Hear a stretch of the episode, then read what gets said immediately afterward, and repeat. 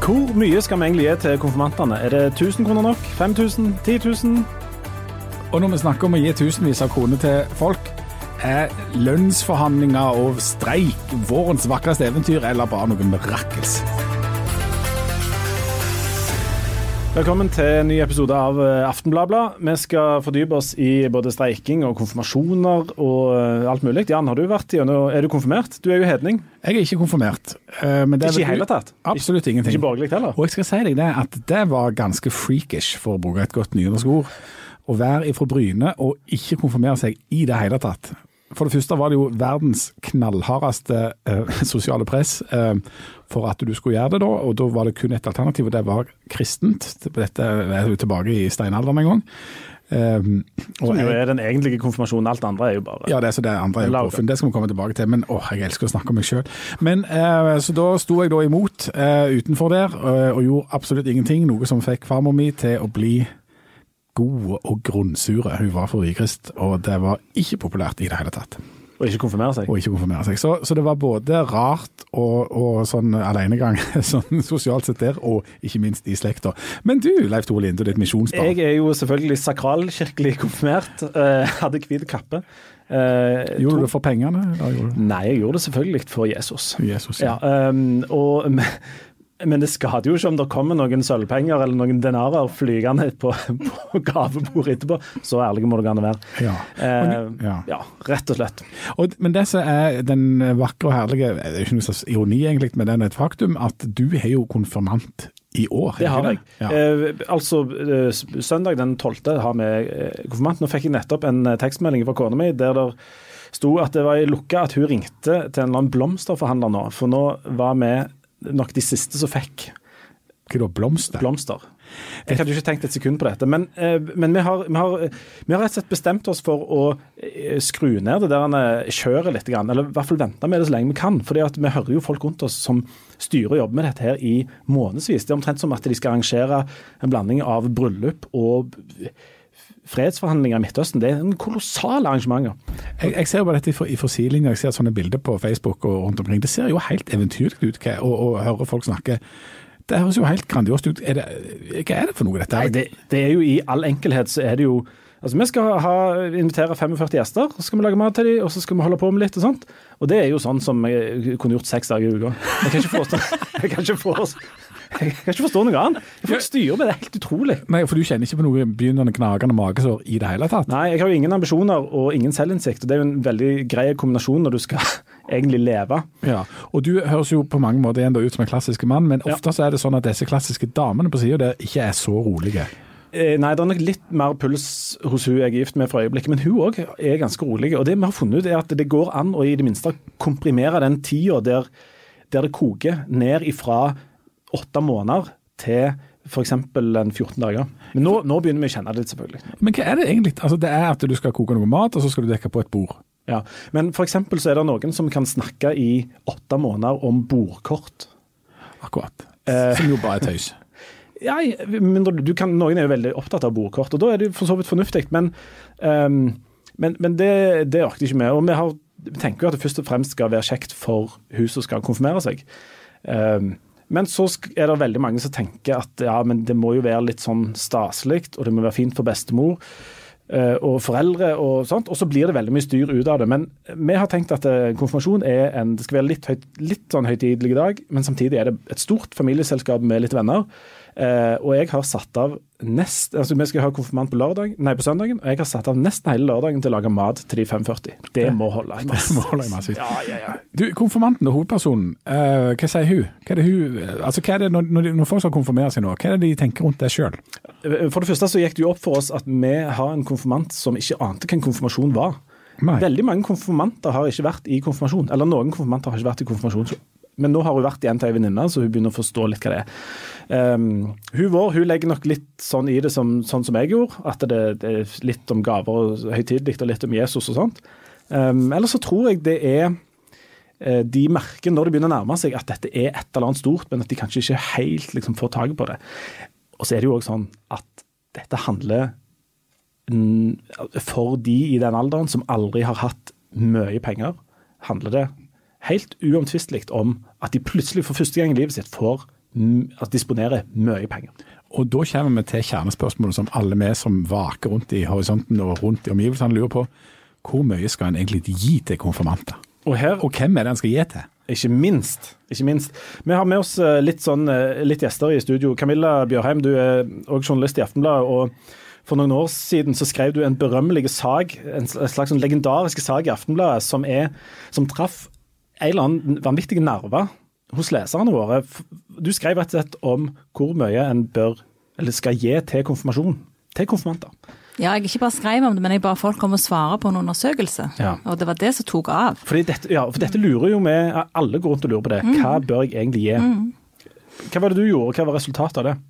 Nei, Jeg tenkte gjennom hvem det er du potensielt skal gi gaver til. da. Og jeg har jo, sitter jo i det samme smørja i år igjen og lurer på hvem jeg skal gi til, og hvor mye jeg skal gi og alt det der. Og det, den saken begynner jo å bli noen år, men du vet så, Han er like god hvert Han er like god, for det er sånn komfgaver. De blir ikke sånn, hva heter det, prisindeksjustert? Uh, det er indeksregulering av. Det ikke sånn at hvis det var 100 i fjor, så er det 102,2 i år. sant? Det- Hundrelappen holder seg lenge. Men den er vi vel egentlig forbi nå.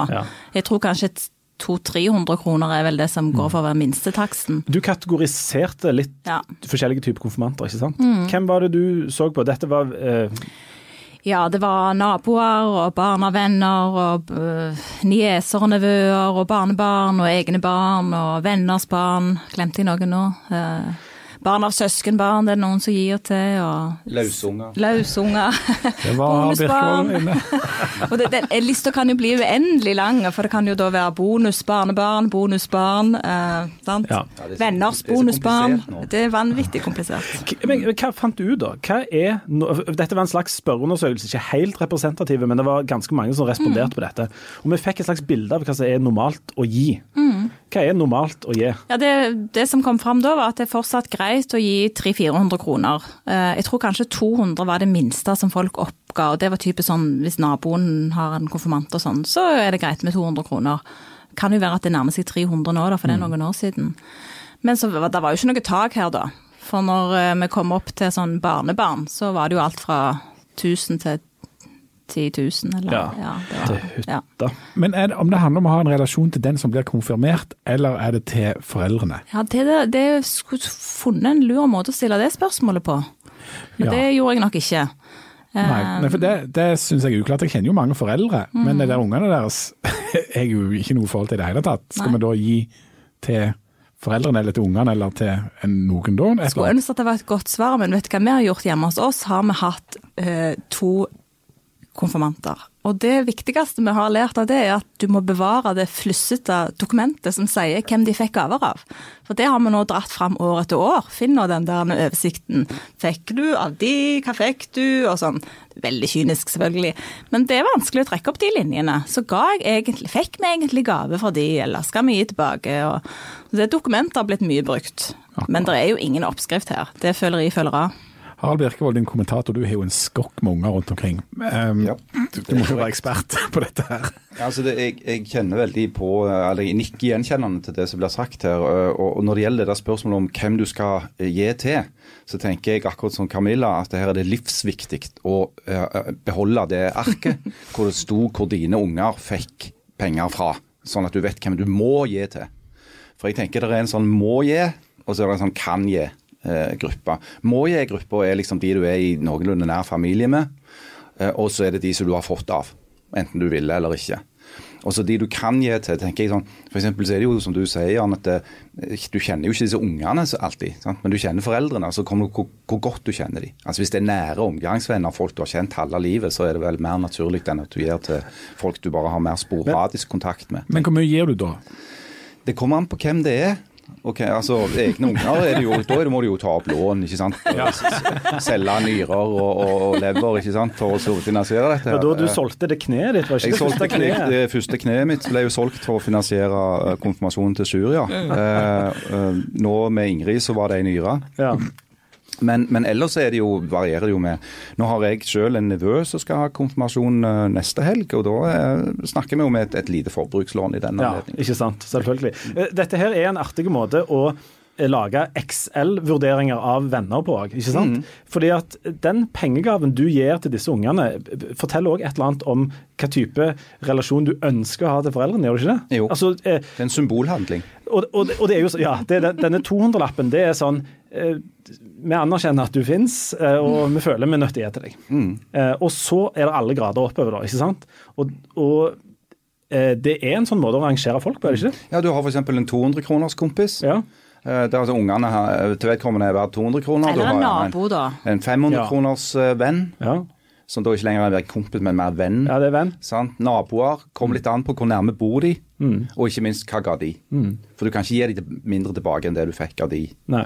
Så det, men dette er jo sånn som de fleste menn jeg kjenner eh, eh, mangler jo enhver kompetanse på dette. Det, jeg har aldri vært ute for én mann som har tatt vare på den lista. Det er alltid damer som gjør det. Alltid. Uten unntak. Ja. Jeg leste noen sånne undersøkelser på hvor mye folk, hvor mye unger da, eller ungdom, eller hva man skal kalle det, for noe, de er jo voksne da, formelt, ja. Eh, hvor mye de får. Um, og da var det en Ipsos-undersøkelse fra i fjor, der det sto altså at de får i snitt var det 52 000. Som jo er grassat mye penger etter at de har fått sånn 50 kroner for å sitte barnevakt. Jeg har sett på den samme, og det må, der må det jo være et eller annet. Spinakene feil. Dette, gale, for det kan, det kan ikke være jabna. Altså, det- det- Det, dette er sannsynligvis gjennomsnittets forbannelse. Sant? At du har noen uteliggere som drar dette snittet enormt opp. Jeg tror at det såkalte mediantallet, hvis de hadde talt opp alle beløpene og så valgt det midterste av de, så hadde det vært lavere enn 50 000. Men det er bare noe jeg tror, altså. Ja, for Jeg leste for den samme våren at, det var, at de fikk rundt 30 000 i snitt. Det var Ja. liksom et eh, annet oppslag. Men er det eh, sånn konkurranse og skuling blant disse ungdommene sjøl på hvor mye de får? Altså, altså Er det en viktig eh, Ja. ting både for deg sjøl og i, i liksom vennekretsen? At det er sånn konkurranse der? Hos oss har det ikke foreløpig vært så veldig mye snakk om det. og det, det er Det har vært sånn at hun vår snakker veldig mye om at det er veldig viktig for hun å gi til flest mulig av de folka hun kjenner. Hun syns det er litt dumt hvis det er noen som hun kjenner litt, som vi ikke kan gi til. Um, og, og eh, vår konfirmant er òg en sånn Snapchat- og Instagram-type da, som mener hun kjenner veldig mange. Så det er 1200 følgere som skal få 300 kroner Ja, ja, men det er nesten litt sånn. Og hvis du bare, Si at du bare skal gi da, si at du skal gi 300 kroner til alle de går i klassen med. Sant. Det er jo galskap. Det er galskap. Men, men det, de er jo folk som, som disse ungene har noen nokså sånn, sånn tette relasjon, daglige relasjoner til. Så har du de som er venner utenom, og så har du naboene. Sånn. Og hvis du ikke setter ned foten og sier at det kan vi faktisk ikke gjøre, så snakker vi her om å gi gaver. Og det er bare sånn 200-300 kroner til hver, så kan du ende opp med å gi 10 15 20 000 bare i sånn smått. Det lukter litt sånn at du vil ha sånn foreldremøte på avtale. Du elsker jo Er det en ting jeg ikke vil ha, så er det foreldremøte. Men, men, men det er lurt å f.eks. si at eh, Vet du hva, vi, vi, vi, gir ikke, vi trenger ikke gi til alle i klassen. Sånne Nei, det, ting må det, er jo, liksom det er jo helt håpløst. Altså, hvis de absolutt vil gi til alle i klassen, så får de rett og slett bare bytte komstgaver med hverandre. Ja. Så får de ordne det på den måten. I praksis er det jo foreldrene som driver sender penger rundt til hverandre. Ja. Eh, Og alle går i minus. I et Og, slags lukka system. ja. Ja. De som går i pluss, er jo de elevene da i klassen. De, Mm. de kan jo gå ut med, de kan le hele veien til banken, mens alle foreldrene sitter raka igjen. Men det som jeg tror, det som mitt inntrykk er den, denne store forskjellen er, det er på besteforeldre. Jeg tror det er det som tipper eh, veldig mye av eh, sluttgevinsten i den ene eller andre retningen. For eh, det er noen som har besteforeldre som eh, er liksom av den nøkterne tradisjonen. Og, gir, og til og med det er jo mye penger, men si at du får gjerne et par tusen fra besteforeldre. Det er jo mye penger. Men det er jo òg en del besteforeldre som, som sitter, både sitter veldig godt i det og får en følelse av at her må vi dra til litt. Og gjerne dumpe 20 000 kroner på en konfirmant. Ja, men I de, de tilfellene jeg har hørt om sånne, altså sånne veldig store beløp, så er jo ofte det, skal det liksom være en sånn startkapital. Så du får som en sånn Før russetida, da? Eller? Nei, men ja, mer penger du kan, du kan sette i banken og ha når du skal liksom etablere deg, eller du, du blir satt i fond eller noen Ja. sånne greier. Og det er klart at Folk som har god råd, vil jo alltid være mer sjenerøse med ungene sine for det de kan. Eh, Men mitt inntrykk er i alle fall at eh, de fleste unger er jo veldig altså Dette er ikke noe som en snakker så mye om. Uh, at det er jo klart at de som har god råd, har god råd. De som har dårlig råd, har dårlig råd. Det endrer seg ikke en dag i mai. Det er sånn hele året. Men det blir veldig synlig en dag i mai. Ja, men det Eh, gjør det til jul òg, og det gjør det i sommerferien. Hvor har du vært? Jo, vi har vært i Dubai. Nei, vi har vært på hytta til mormor og morfar på Bersagel. Sånn er det. Det er sånn hele året. En, en, en annen ting som vi har diskutert litt, er det fremdeles mulig å gi noe annet enn penger? Vi har vært borti noen foreldre som har hatt et veldig sterkt ønske om å gjøre noe annet enn penger. F.eks. gi de en tur, altså konfirmanten er sammen med begge foreldrene en eller annen plass. Eller gjør noen sånne ting som det der. Er det mulig? Syns absolutt det må være lov å gi gaver. Jeg har på meg et smykke i dag, så jeg fikk til min konfirmasjon. Oi. Um, og vi fikk jo mye mer gaver enn de gjorde da. Selvfølgelig mye ræl òg, men Mm. jeg fikk koffert og ryggsekk og sånne ting er det jo mange som gir. Uh, Vil du, vil du slå et slag for den gode gamle sølvskeia? Uh, Kakespade eller sånn syltetøyskje? Kom, kompottskei i sølv. Ja. ja, kompottskei har jeg òg, den er grevla lite brukt. Men Ja. den kakespaden kan jo være nyttig å ha når du begynner å dra på med 50-årsdager Altså det sånn. som jeg så tipper er den vanligste gaven som ikke er penger, eh, nå i alle fall til halvparten av konfirmantene, det er jo bunad. Ja. Eh, med altså innkjøp av Mm. klær av tøyet, sying og sølv.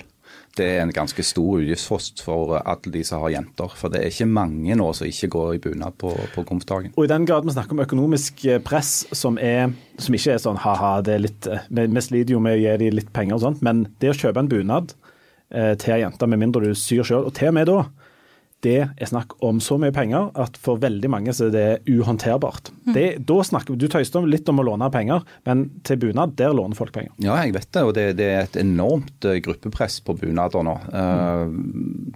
det, det er nesten uvanlig å se konfirmanter som ikke er i bunad. Og det er klart at alle de foreldrene og besteforeldrene har lagt ut mye penger på det der. Ja.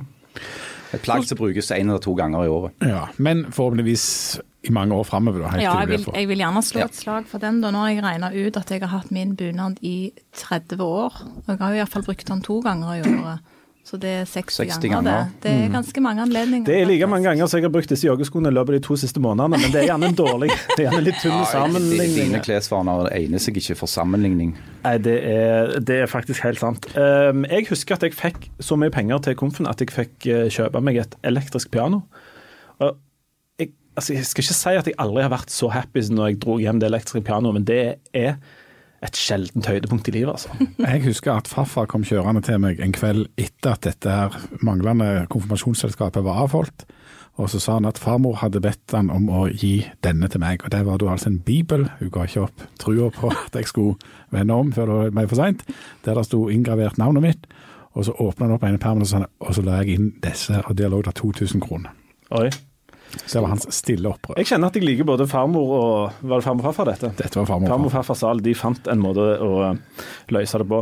Um, eh, også, men disse konfirmasjonene skal jo gjennomføres, og da skal det fraktes en del folk hit og dit i, i, det, i, i Norge. Og der, i Norge er jo et land som er lagd så humpete og utilgjengelig at en gjerne da flyr. Ja. Og der er det jo litt varierende flaks og uhell, og vi vet jo ikke eh, liksom hvordan dette ligger an når folk hører dette. Men det har vært gjennomført ei konfirmasjonshelg uten fly. Ja, og akkurat nå når vi sitter og snakker, så er det fremdeles eh, streik blant SAS-pilotene. Vi vet jo ikke hvordan det er når dere hører på det, men eh, Og mitt fly som jeg skulle reist på her, det er nå kansellert. Så koselig. Ja. Um, det der å bli ramma av streik er jo noe av det verste som finnes. Uh, de er, vi syns jo streik er flott hvis vi er med på det sjøl, Ja. og ellers er vi imot. Men en ting jeg er faktisk litt forundra over nå i forbindelse med denne eh, flystreiken og SAS-streiken, det er hvor lite raseri det har vært, og hvor få sånne saker det har vært i mediene om folk som er rasende, og at det ikke er mer hjerteskjærende enn det er. Harald Birkevold, er det sånn at det egentlig er en ganske stor forståelse der ute for streikeinstituttet, for å bruke et stort ord? Ja, jeg tror det. Eh, Jeg tror at det fortsatt er sånn at en anerkjenner streik som et legitimt våpen i kampen mellom arbeidsgivere og arbeidstakere. Eh, Men så, så er det nok også sånn at jeg, jeg har tenkt litt på det i det siste, om det kan være det at, det, at denne her såkalte flyskammen, altså årets nyord i Sverige, ikke sant? at en skammer seg over fly, eh, gjør at en del som sitter fast, eh, ikke liksom lufter denne her eh, frustrasjonen sin offentlig, fordi at de da røper at de hadde tenkt å gjøre noe grusomt, nemlig å fly. Eh, sånn at det har kanskje dempa det litt òg. Men jeg har jo sett en del eksempel på de der standardreportasjene i norske aviser, inkludert vår egen, der en reiser ut til flyplassen og finner noen med en tåredryppende historie om Langviken i København som gikk i vasken, eller eh, venninneturen til, til Barcelona. Så det er klart at det, det, du, jo, du blir jo på en måte litt bombardert med sånne ilandsproblemer òg, da. Så, altså Det blir framstilt som nærmest som en personlig tragedie at du gikk glipp av en spahelg i Barcelona. Og Hvis det er det verste problemet i livet ditt, så har du fanden tute meg ikke særlig mye å klage over. det var voldsomt. um, for, men dette er jo da altså et resultat av noen forhandlinger som ikke har ført fram. Jeg, jeg har en sånn følelse av at det var, har vært mer streika før i tida enn det. Det har ikke vært så veldig mye streik de siste årene, er det det? Nei, det tror jeg er riktig. Uh, en grunn til det det er jo at veldig mye av lønna til folk i dette landet blir uh, avtalt i sånne store samordna oppgjør. Eh, dette såkalte trepartssamarbeidet. ikke sant? Eh, og det har nok gjort at eh, partene, siden de forhandler på vegne av så voldsomt mange, er villige til å strekke seg ganske langt for å unngå en konfliktsituasjon. Det er megling på overtid, og så kommer det et kompromiss i enden etter litt sånn rituell vandring i gangene hos Riksmegleren.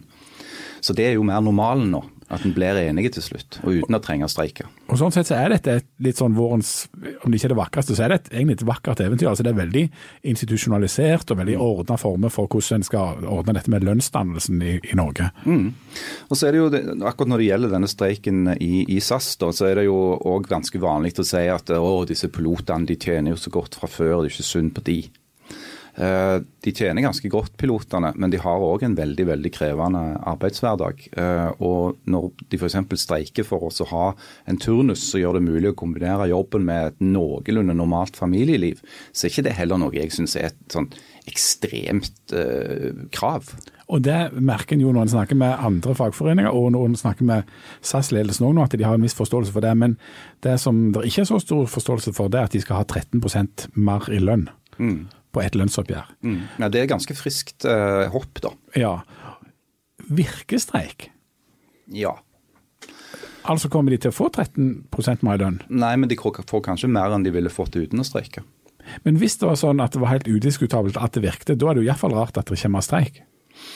Ja, både òg. fordi at, eh, som jeg sier, i og med at så mye av lønnsdannelsen skjer i store samordna oppgjør, så er sjansene for at akkurat du skal bli tatt ut i streik liten. Men når det skjer, eh, så ser det ofte på de stedene hvor det gjør litt vondt. Eh, altså Fly står på bakken. Nå var det 50 000 mennesker ble ramma bare i morgen i Norge av SAS-streiken. Altså i går, sannsynligvis i forhold til Ja, i forhold til i dag. Eh, problemet med podkast. Eh, og du ser det òg når det har vært streiker f.eks. i helsesektoren og sånn så er de jo veldig nøye med å anlegge streiken sånn at eh, skadevirkningene blir store nok til at det merkes, men små nok til at ikke det offentlige griper inn med tvungen lønnsmenn. Du, vi, vi, har jo eh, streika, vi òg. Altså, vi driver jo i et fysisk tungt yrke. Eh, kronisk underbetalt. Eller ikke, kanskje. Men vi har, vært i, vi har vært gjennom noen streiker. Det begynner å bli noen år siden. Husker du Camilla, når vi streikte sist? Oh, jeg kan ikke si hva årstall det var. Nei, Men husker du du var med ja, på streiken? Ja. Eh, Syns du det er greit og komfortabelt stå og streike? Og, og stå i gul vest og foran inngangsdøra og, og stå på de. Vi krevde mer ferie, bl.a. Det er ikke noen ønskesituasjon. Jeg, jeg syns ikke det. Men jeg, jeg, er ikke noen motstander av, eh, av, streik som virkemiddel. Nei, jeg er ikke det. Men Hva tenker du når du sjøl blir ramma av andre sine streiker? Har du blitt ramma av flystreik? Nei, jeg har ikke blitt ramma av flystreiken. Eh, og jeg tror jeg hadde gjort sånn som Harald er inne på, jeg tror jeg hadde ligget voldsomt lågt med å klage på at jeg ikke fikk meg en flytur, altså. På grunn av flyskam? Eh, nei, men det er jo ilands. Ja. Eh, Men hvis du, hvis du, hadde tatt fri denne, denne uka og skulle egentlig fly til, til en eller annen eh, sydendestinasjon eller noe, du hadde, mm. du hadde jo ligget og kjent på at det var jeg hadde kjent på det, men jeg er sikker på at arbeidsgiveren hadde stått med åpne armer og sagt 'velkommen tilbake på jobb, du kan bare komme'. ja, nei, det hadde vært kjipt selvfølgelig hvis det var en lange planlagte tur og sånn, men det er kjipt. Det er ikke noe mer enn det, tenker jeg. Det, det, er jo ikke et poeng. altså Jeg husker jo godt den, den uh, siste streiken som, som Norsk Journalistlag var involvert i, eller var, tok ut. Og, og det skal jo ikke være kjekt å streike det, det, skal jo være vondt for, både for de For alle, på en måte? Ja, for alle på en måte. For det, for det første så, så mister du jo lønna. Det er jo dyrt å streike. Og mange fagforbund har jo ikke mulighet til å kompensere medlemmene sine for det de taper når de, når de streiker. Og Dessuten så har jo de fleste jeg kjenner som har en jobb som er noenlunde meningsfullt, de liker jo å jobbe. De liker jo jobben sin. De vil jo gjerne komme tilbake igjen. Er det, kommer det streikevirkemidlet til å leve inn i evigheten? Er det, finnes noe alternativ til det? det I i liksom sitt, sin eh, natur og vesen så høres det litt sånn gammeldags ut å legge ned arbeidet. Sånn altså det, Noen har jo sagt at den synkende organisasjonsgrad i, uh, på arbeidstakersiden gjør at uh, streikemåtene blir mindre potent. Men det blir til en viss grad oppveid av uh, den såkalte allmenngjøringsprinsippet. Dvs. Si at uh, det er ikke lov for arbeidsgiver å tilby uorganiserte arbeidstakere dårligere vilkår enn de som de organiserte har. Så du kan si at Selv om andelen organiserte i en organisasjon synker, så drar de de andre med seg med det prinsippet i ryggen. Så, så, det gjør nok at eh, fagforeningene har ikke blitt uthult så mye i Norge som i land som ikke har en allmenngjøringsregel. Det pågår faktisk Dette ble veldig sånn voksensnakk. Ja, det, det pågår vel en streik nå i Rogaland eh, i et firma der de streiker for å få tariffavtale. De har streika i hvor mange hundre dager? var det? Ja, det er lenge. Det er lenge. Ja. Ble vel avslutta i går, den jo. Oi, dæven, ja. Det går et dag, ja. Det går dag, dag. Men, men dette, dette, denne gangen gjaldt det fly. Du, vi, vi, avslutter bitte litt med For vi har vært innom dette flyskam-begrepet, som er litt eh, interessant. Mm. Um, så, kort fortalt så er jo dette her uh, litt sånn noe vi har henta inn litt fra Sverige, um, som handler om at uh, du, du, skal skjemmes litt av å fly. Uh, fordi at det forurenses så aldeles kolossalt. Eh, I Sverige er det blitt litt sånn at eh, du skryter ikke av at du skal ut og fly. Du holder det gjerne litt for deg sjøl. Og så er det blitt et ord som faktisk brukes i dagetalen og sånt. Og under denne streiken så har svenske medier har f.eks. lagt oppslag på hvor mye CO2 som spares med SAS-streiken. Og det er litt sånn to tomler opp fra alle som driver med flyskam. Eh, Harald, det, skjemmes du over å bestille flybilletter og sette deg i på rad én, regner med det du sitter? Uh, jeg sitter aldri på noen andre steder enn rad én, nei. Uh, nei, altså, ja. Uh, jeg skulle ønske jeg kunne sagt nei. Jeg kunne ønske at jeg kunne sagt at dette her bare driter jeg i. Men jeg gjør faktisk ikke det. og, og det, det er må jeg bare innrømme. At uh, det har endra seg kanskje det siste året. At nå har uh, Jeg har diskutert med folk jeg står nær, uh, om vi kanskje skal prøve å begrense det der med flyging litt. Ikke helt, for det, det, det, er jo en helt fantastisk ting å kunne sette seg i en metallbeholder og plutselig i løpet av noen timer være et helt annet sted. Det er veldig fint. Det er et privilegium å kunne gjøre, men kanskje vi skulle tenke seg litt om. Hvis alle hadde tenkt seg litt om, og kanskje sagt nei til en eller to, to turer i året, så ville det faktisk betydd ganske mye. Camilla, det, kjenner du på flyskam? Ja, jeg gjør òg faktisk det. Oh, men jeg flyr veldig lite. Jeg er ikke så glad i å fly. Eh, og jeg har hytte, så jeg eh, okay. Det er en slags kombinasjon av eh, bruk nærmiljø og hytte, og forurense mindre. Og, og, og jeg i. I, her kommer det jo også på et eller annet tidspunkt en hytteskam, for det er heller ikke helt uh, syndefritt. Og når vi først snakker om syndere, det er ukonfirmerte i Hans Sal. Det er synderen og tolleren. Synderen og tolleren. Ja, jeg skal fly en del uh, i år, ja, det skal du. og ikke, egentlig skjemmes ikke så mye av det. Um, men til gjengjeld så har jo vi faktisk da kjøpt uh, den vidunderlige elbilen og gjort et bevisst valg i sommer om at vi skal på kjøretur med elbil og ikke fly til Mallorca, sånn som vi har pleid å gjøre. Så det, og, det, og det henger sammen med at OK, da, da bruker vi den elbilen til å frakte oss sjøl i sommer. Bare passe på at du ikke lader den med kullkraft, for da er det mer forurensende enn min dieselbil. Ja, jeg må bare passe på at jeg ikke kommer for langt ned gjennom på kontinentet der. Men mm. den undersøkelsen er særdeles tvilsom. Men er det, er det en grei ting at folk skal skjemmes litt av å fly?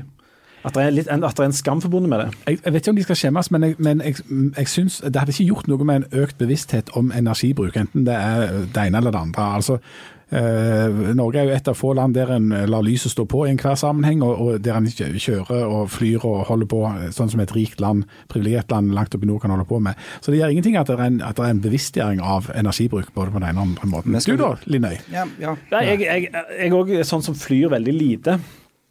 Uh, og jeg jeg har begynt å kjenne på det når tanken slår meg Jeg har ikke fått testa dette veldig ut sånn i praktisk eh, liksom, men, men, tidligere har jeg ofte tenkt sånn at eh, å, vi, må spare noen penger til å reise til, til New York f.eks. Jeg har lyst til, har lyst til å reise til, til, til Los Angeles f.eks. og bare se de plassene. men de, den siste tida har jeg tenkt at det kan godt være at vi ikke skal gjøre det. Det kan godt være at vi skal, vi skal bruke noen penger på å gjøre noe helt annet. Reise til, til opp et fjell i Norge eller et eller annet. Og jeg begynner å kjenne at det der å drive og skryte seg opp på at en reiser enormt mye, det Nei. Det, det, Det er bare ca. 5 av verdens befolkning som noensinne har vært i et fly. Eh, Så da skal altså 95% av oss betale prisen for det 5% driver på med. Det er òg noe du kan tenke litt på. Men sånn er det jo med alt eh, når det gjelder rikdom, da. Sånn er det. Ja. Men, men vil vel egentlig, altså, det er jo lurere å være rik og frisk f.eks. enn fattig og syk. Det har jeg alltid, det har jeg alltid ment. Nei, Og så er det, mye lurere. og så er det når, vi skal, når vi tenker de store sammenhengene, bedre å være konfirmert enn ikke være konfirmert. Ja. For da, ja, Du vet hva som er konsekvensen av å ikke være konfirmert, eh, Jan Sahl? Helvete. Jeg kan vise deg noen bibelvers etterpå, men vi trenger ikke ta det i all offentlighet. Vi, nå skal jeg gå og vise Jan noen bibelvers som forteller hva som skjer hvis du ikke er konfirmert. Og så kommer vi tilbake om ei uke, hvis med mindre dette har skjedd. Dette, disse truslene. Da ønsker vi oss alle lykke til. Lykke til. Ha det godt. Ha det.